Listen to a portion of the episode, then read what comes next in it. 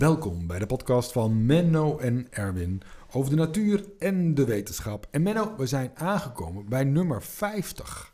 Dat vind ik toch wel bijzonder. Ja, ja nee, dat had ik ook niet van ons gedacht. Dat we Nee. zo eh, braaf door zouden gaan. En, ja. eh, we, we zijn begonnen met het beschrijven van natuurgebiedjes met natuurlijk het eh, prachtige boek. Hè, wat je het, heruitgegeven hebt. Hoe heet het boek ook alweer, Menno? De natuur van Duurswold. Ja, Natuur van Duurswuld, ja natuurlijk. We hebben toen prachtige dingen gedaan. Ook eh, burgemeester nog geïnterviewd. eh, midden in de natuur, prachtige podcasts opgenomen. En de laatste tijd zijn we toch vooral bezig ook met biologie. Met biologische klokken. En soms een paar onderwerpen die ik interessant vind. Maar een rode draad blijft toch wel de biologie. En is daar niet de grondvader Charles Darwin van? Yes. En het lijkt mij ook eh, een, eh, een, een heel mooi soort eerbewijs... waar niemand misschien van, direct van wakker ligt... maar voor onszelf heel goed... Ja, om, om eh, eens een keer een eerste podcast aan Charles Darwin te, te besteden. Want daar is zoveel over te vertellen. We, dat wordt vaak nog wel, zeker nog wel wat meer. Eh, nou ja, bijvoorbeeld, als we het hebben over... je weet, mijn fascinatie gaat naar biologische klokken en ritmiek. ja. Eh, bewegingen van planten. En wie heeft daar weer het nodige over gezegd? Charles Darwin heeft een prachtig boek geschreven over de kracht van de bewegingen van planten. En waar hij toch de overtuiging uitspreekt dat het uit, het uit de planten zelf voort moet komen, Ja, die bewegingen. en niet van de wind. of En niet van buiten alleen maar. Ehm, ja, weer zo'n intuïtieve bijdrage. Want, want schets even voor mij, hè, voor we het over Charles Darwin gaan hebben. We hebben het over eh, ja, begin 1800 zo ongeveer. 1809 geboren, 1882 gestorven. Ja, en, en, maar biologie, waar staat het dan? Of, of is dat er al, biologie? Jazeker, natuurlijk, biologie is er. En hij heeft ook een voorvader die ook al iets evolutionairs, zeg maar, in de richting van evolutie beweerde. Dus het is niet zo dat er nog nooit over evolutie was nagedacht voor Darwin. Maar ehm, als je nou één iconische figuur in de hele biologie hebt, is het toch Charles Darwin. Omdat hij met zoveel eh, overtuiging en zoveel argumenten en zoveel kennis eh, een theorie op poten heeft gezet die behoorlijk ingewikkeld lag toen. Die, eh, hij heeft veel politieke tegenstanders ook gehad. Ja. Maar die in feite bepalend is geworden voor de hele ontwikkeling van de biologie. Er zijn beroemde uitspraken over dat niets enige zin maakt in de biologie, behalve als je het doet in, in het, in het eh, framework van evolutie. Ja, want wat zou je nog, want evolutie, ja, dat plak ik eraan vast. Eh, recht van de sterkste, dat is dan wat ik... Ja, dat is een, eh, een slechte vertaling, eerlijk gezegd. Sorry ja. dat ik het zo bot zeg. Maar ehm, het, het is het, het, de geschiktste. Eh, in feite was hij eh, gefascineerd door het feit dat, dat er eh, ontzettend veel individuen vaak geboren worden of uit eieren kruipen en dat er maar heel weinig van overleven. Dus hij was ook duivenliefhebber en wist dus van alles van teeltkeuze, van de keuze van selectie. Dus selectie was voor hem be- begon een steeds belangrijker principe te worden. Als je een hele grote veelvoud hebt, dan, ja, dan, dan kunnen er lang niet, er is niet genoeg plek voor iedereen. Nee. En die op dat moment het, het best in die omgeving past en daar het best terecht kan, die overleeft. Dus, dus hij was eigenlijk geïnteresseerd wie er bleef leven. Zeg maar. Ja, wat, wat maakt. En, en die omstandigheden kunnen wisselen. Ja. Dus als je dan heel erg bijvoorbeeld heel gespecialiseerd bent in één bepaalde richting, dan kan dat in een volgende tijdperk kan dat weer een nadeel zijn. Dus als je bijvoorbeeld heel groot wordt, nou, dan betekent ook dat er heel veel voedsel moet zijn. Nou, in Ja. tijden van voedselschaarste heb je dan een probleem. Ja. Ja. En, eh, en dus het is veel subtieler dan alleen maar het recht van de sterkste. Er is een, eh, in de sociologie is, dat, is er sociaal Darwinisme ontstaan en daar is dat zo primitief vertaald. Eh, maar dat slaat eigenlijk nergens op. Dat heeft hij ook nooit zelf beweerd. Nee, het is geschikste. Ja. Het is, het is dus selectie, natuurlijke selectie uit een enorme... En wat heel belangrijk is, dus dat er, hij onderkende ook dat er een grote variatie was. En dus dat individuen verschillen allemaal. En sommige individuen die hebben in bepaalde omstandigheden... door die verschillen net even een voordeel boven anderen. Nou, en daar is, dat is in feite het, het systeem waarop het geheel gebaseerd is. En, en wat zeiden dan de mensen die het er niet mee eens waren? Waren dat mensen van een kerk of zo? Of Ja, wat- zeker. Van de ja. kerk, die zeiden dat eh, nou, alle soorten waren voorgegeven. Hè, dus dat, eh, die, die waren er al, dus er was helemaal geen ontwikkeling. En als je dan, eh, ik bedoel, er waren echt ook de eerlijk gezegd tot op heden. Je kan geloof ik steeds in, Amer- in Amerika kan je nu ook nog eh, een soort anti-evolutieparken bekijken. En dan, daar hebben ze dinosaurussen verstopt. En dan zeg je, maar hoe komen die dan daar onder, onder de grond terecht? Eh, hoe is dat dan? Ja, die, die, eh, die heeft ons opperwezen verstopt om ons in verwarring te brengen. Nou, dat soort, dat soort argumentatie krijg je dan. Dus dat, het is nog steeds bij heel veel mensen en, en is, is het moeizaam om te beseffen dat ja, er zit is heel veel toeval in dat systeem. Ja. Er zit aan de andere kant systeem, want er wordt steeds geselecteerd op wat op dat moment eh, het goed doet. Eh, maar eigenlijk heeft de evolutie dus ook niet zozeer een richting. Want als je al te ver specialiseert, dat, dat is behoorlijk gevaarlijk. Dan kan je in een volgend stadium, kan, je, ja, kan die richting het loodje leggen. En eh, nou, wij zijn hard op weg, doordat we hebben met ons verstand zulke technologische mogelijkheden ontwikkeld. Ja, en daar begint het langzamerhand een beetje penibel te worden. Nou, het is de vraag of we het daarmee redden. Nou, we passen ons daar weer op aan, denk ik. Toch? Ja, nou, als we, als we dat slim genoeg op tijd genoeg doen, maar als we te ver doorschieten, ja, dan. Maar ben eh, ik dan een eh Darwiniaan als ik zeg, ja, maar wij passen ons ook wel weer aan? Wij ja, maar die aanpassing, die is natuurlijk niet een erfelijke aanpassing. Hè? En, en ik bedoel, je kan kijken naar, en daar is, daar is ook heel veel aan gedaan. Eh, je, je hebt van die wetenschappen als de psychologie en de sociologie, die, die proberen het dan te meten hoe, hoe intelligent mensen zijn. Nou, voor zover er aanwijzingen zijn, is het niet zo dat de mens nou heel veel intelligenter geworden is. We zijn niet echt per, per definitie heel veel slimmer dan vroeger. Hm, Ik bedoel, we zijn nog steeds niet in staat om oorlogen te voorkomen. Ehm, nou ja, kortom. Ja. Maar laten we teruggaan naar, naar Charles Darwin. Yes. Wat, wat was dat voor persoon, Menno? Nou, dat was in feite heel, heel bijzonder. Hij heeft heel lang geaarzeld over wat hij zou gaan, eh, wat hij zou gaan doen. Nou, en eh, op een gegeven moment is het bekend. Hij is gevraagd om mee te gaan en heeft ook gesolliciteerd om mee te mogen gaan als eh, soort observator en verzamelaar. Eh, met een expeditie met de Beagle. Dat was een eh, expeditieschip wat eh, in feite de grote delen van de wereld langs ging. Natuurlijk langs Zuid-Amerika. Ja, de Galapagos-eilanden. Nou, en tijdens die reis heeft Darwin zich ook enorm ontwikkeld. Hij heeft heel veel boeken nog meegenomen. Maar jij zegt het nu zo, maar had hij dan niet een opleiding gedaan? Nou, niet echt. Oh, oh. Hij, hij had een hele algemene ontwikkeling gehad. Ik, ik, ik weet eerlijk gezegd op dit moment niet meer precies wat hij... Er waren allerlei intenties eh, dat hij eh, dominee zou worden of arts. Maar dat is allemaal wat vaag gebleven. Hij had geloof ik een grote bibliotheek mee en, en hij correspondeerde toen al. En eh, hij, hij, een van de sterke punten van Darwin is dat hij iedereen die maar ergens verstand van had of kennis van had, die, die boorde die aan, die schreef die en hij had een, een waanzinnige correspondentie. Ja. Op dit moment, dat is heel fascinerend, is er een archief in, eh, bij Cambridge.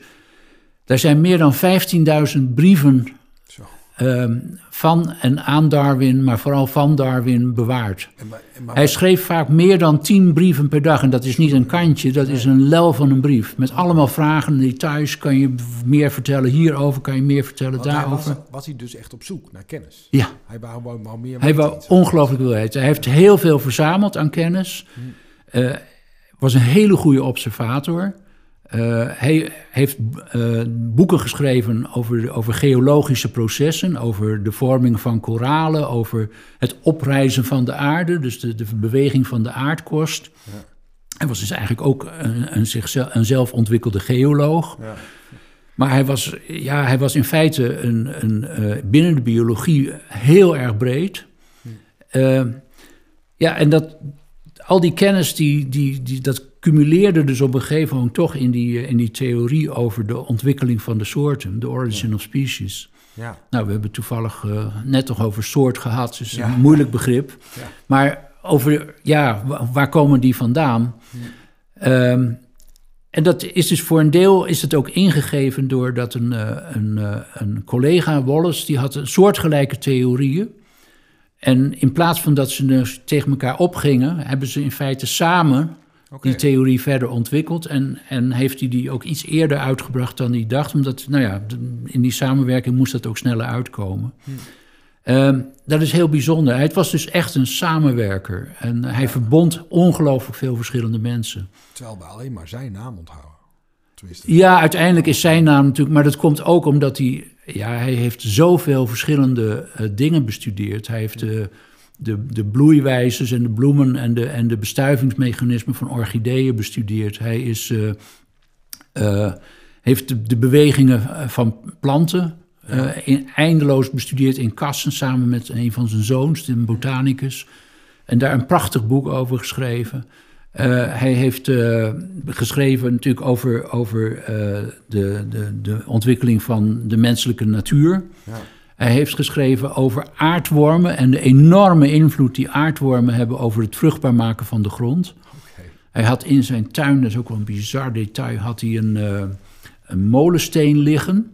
En hij had meetapparatuur daar omheen bevestigd. En dan konden ze heel precies meten hoeveel millimeter per jaar die molensteen zakte onder invloed van de aardwormen daaronder.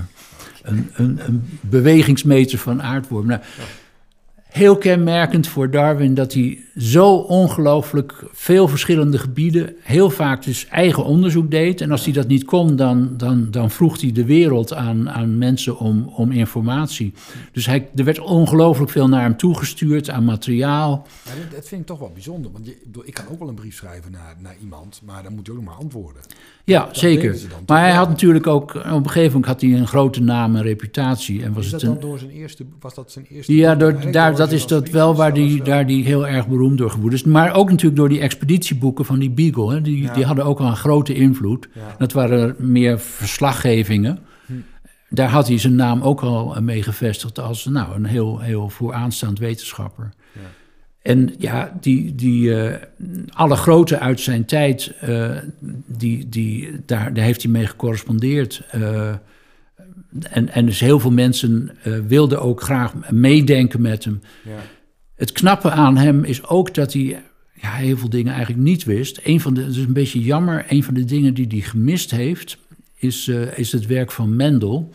Dat was de, eh, de, de, de, die deed kweekproeven met bonen en heeft eigenlijk de basis gelegd voor de overerving via chromosomen uh, van eigenschappen met, met dominante en, en, en recessieve eigenschappen, dus die, die doorgezet worden en die alleen maar in bepaalde combinaties doorkomen. Die hebben elkaar gemist. Als hij dat gehad had, dan had hij zijn theorie nog een enorme verdieping kunnen geven. Okay.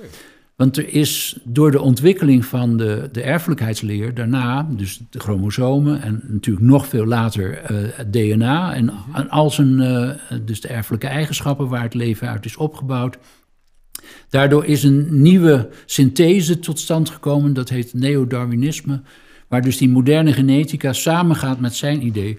Maar dat heeft, heeft eigenlijk niet echt gebotst. Hij heeft wel eens wat, wat, wat ruige dingen over vermoedens gehad over ja. pangenis, pangenisme. Uh, over, over... Hij heeft hem toevallig net niet een brief gestuurd. Nee, nee. En, en die leefde als een monnik een beetje apart. En uh, nou, ze hebben elkaar gemist. Ja, nou ja, kan gebeuren. Maar het, uh, het, het, het, ja, hij, hij correspondeerde natuurlijk ook met een andere beroemdheid uit die tijd. Humboldt, die was een grote vereerder van Darwin. Hm. Hij, met, met Malthus, dat was een populatiedeskundige, die heeft hem ook geïnspireerd. Die maakte zich zorgen over de explosie van het aantal mensen toen al. Ja, ja.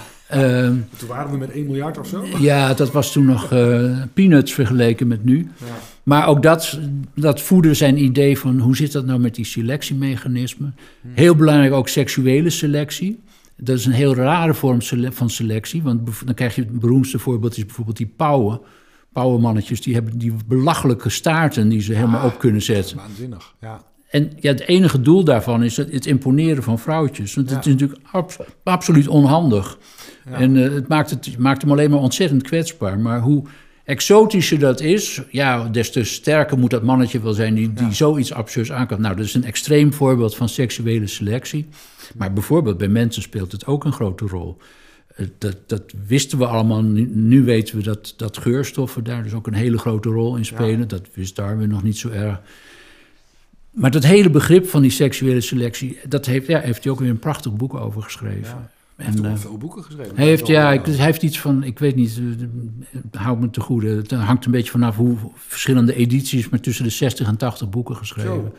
En uh, soms met anderen samen, ja, ja. zoals bijvoorbeeld met zijn zoon. Maar het allerbijzonderste vind ik eigenlijk dat één zo iemand zo'n ongelofelijke invloed kan hebben op de hele ontwikkeling van eh, nou, de hele biologie, maar in feite ook met hoe we tegen het leven aankijken. En eh, dat, dat heeft tegenwoordig, nou, bijvoorbeeld ook in de geneeskunde, een enorme invloed. Uh, als je je realiseert wat de, de achtergrond van de ontwikkeling van de mens is, dan kijk je heel anders aan dan, dat, dan dat je het helemaal geïsoleerd bekijkt. En, en, maar als ik dat nou eens over nadenk, Menno, hè, van zo'n één man, is, is dat dan intelligentie of is dat goed samenwerken? Of, of we hebben ook Einstein gehad, bijvoorbeeld, ja. dat is iets later, maar ja. dat was ook een heel bijzonder en, en ja, nou ja, dat is wel grappig. Kijk, ik vind dus het bijzonderste dat, uh, en daar, nou, daar ben ik persoonlijk Darwin heel erg erkentelijk voor. Hij heeft een, een, een, een theoretisch framework gemaakt waar de biologie ontzettend veel voordeel van heeft. Je kan alles toetsen. En soms je kan ook proberen te bewijzen dat de evolutie niet ergens optreedt. Prima. Ja. Maar we hebben een raamwerk. En bijvoorbeeld psychologen en sociologen die worstelen me wat af. Want die vraag die jij stelt is eigenlijk een psychologisch-sociologische vraag. Ligt het nou aan die man? Ja, of de omgeving? Of is het de omgeving of is het systeem? Nou, dat is een worsteling waar psychologen en sociologen zich nog de, de, koppen over inslaan. En ze hebben geen theoretisch framework wat daar een echt antwoord op geeft. Wij biologen hebben dat dus wel. En, uh, en ja, natuurlijk zit het zeker in de persoon van Darwin, in de omstandigheid dat hij uit een rijke familie kwam, dat hij het zich kon veroorloven om zijn hele leven bezig te blijven met de dingen die hij deed. Hij had, het geld was geen, speelde geen rol. Nee. Hij had alle mogelijkheden. Het was een ontwikkelingstijd waar allerlei vakgebieden, zie Humboldt, zie de geologie, aan alle kanten was het in opmars. Dus de, de, de, de, de bruiste van alles. hij was op de goede tijd. Ja. Een beetje jammer dat hij, die, die, die, die, dat hij Mendel gemist heeft. Maar je, kan niet alles hebben. Ja, en het was natuurlijk toch een, een ongelooflijk harde werker. Uh, ik, ik, doe, ja, ik, ik ben echt beschaamd als ik zie wat die man per dag produceerde. Dat produceer ik nog niet in een jaar. Um, dat is ongelooflijk. Ja. Dus het echt, uh, ja, enorm vlijtig. Ja. Maar ook heel slim en heel intelligent. En is ook sociaal zo opererend dat het kon. Ik bedoel, hij was dus ook, zeg maar, sociaal handig. Een netwerker van, van het eerste uur, zeg maar. ongelooflijk. Fantastische man, uh, Charles Darwin. Als je nou een biologie, biografie of, of een boek zou moeten aanraden, uh, Menno, waarvan je denkt, nou, als mensen dat nou eens interessant vinden, zouden ze dat eens moeten lezen. Nou, een van de, de allerbeste biografieën die ik ken is van Desmond and Moore. Uh, en die is ook geloof volgens mij in Nederlands vertaald. Die heet gewoon Darwin. Uh, ja, dat is een van de allerleukste boeken. Kijk, er, er zijn, ik, ik weet niet hoeveel boeken over Darwin uh, verschenen. Dat is ongelooflijk. Uh, zo, zo, ja, zo, zoveel invloed heeft hij gehad. Uh, er is die de Darwin Stichting, die, die geeft dus die 15.000 brieven. Die zijn dus allemaal uitgekomen in boek, maar die kan je tegenwoordig ook allemaal online lezen. Al zijn manuscripten zijn online te lezen. Ja ja, dat is, dat is eindeloos. Ik bedoel, het oudste boekje wat ik heb is, uh, is, is uh, door meneer De Haan te Winterswijk vertaald uit het Hoogduits. En uh, ja, dat is ergens uit, weet ik wat, 1900 of zo. Ehm, de theorie van Darwin. Um, dat is, dat, is, dat, is, dat is eindeloos. Je kan natuurlijk ook proberen uh, om, uh, om The Origin of Species te lezen. Te het is, ja, dat is best te doen. Het is een, uh, het is een Pelican Classics, dus kan je het in het Engels lezen. Hij is ook keurig in het Nederlands vertaald. Ja. redelijk goed te lezen. Hm. Maar ik zou beginnen met een goede biografie. Ja. En dus dat boekje van Desmond Moore. En ben jij wel eens keer naar de Galapagos-eilanden geweest, Menno? Nee. Oh. En dat uh, is jammer. Ik had haast de kans gehad. Ik heb gewerkt op een instituut waar ook onderzoek gedaan werd op de Galapagos naar oh. zeeleven. Dat lijkt me nou. Dat lijkt me nou dan wel een eiland waarvan je zegt, dan moet ik heen. Ja. Of, of... En eerlijk gezegd, ik heb het er met mijn vrouw ook vaker over gehad. Ah. En uh, ja, wij zijn, weet je, het, het, de Galapagos is totaal overlopen door toeristen. Okay. En ze proberen dat in de perken te houden. Dus je hebt tegenwoordig hele dure, korte cruises met een, met een schipje en dan maar het is nog steeds een circus. En ja, ik zou er heel graag heen gaan om onderzoek te doen, maar daarvoor ben ik een beetje oud. Ja, nou ja. Uh, kans gemist. Ja, nou goed. Is wel sneu. Ja. Je hebt uh, genoeg uh, andere leuke dingen gezien volgens mij. Menno. Ja. Dus dat, dat komt helemaal goed. Dit is het einde van het eerste deel over eh, Charles eh, Darwin. En uh, we gaan vast in de komende 50 afleveringen nog wel een keer hierop terugkomen op het andere onderdeel van Charles Darwin. Vind je onze podcast nou leuk? Heb je een vraag? Dat vinden we eigenlijk het leukste wat er is. Hè? Heb je een vraag voor Menno waar professor Menno op in moet gaan? Dan doet hij dat heel graag. Vind je een vogel? Vind je een speciale soort vogel leuk of een, of een plant? geef het door en we gaan erop in. Je kan onze website menno en Erwin.nl en dan sluiten we deze podcast weer af.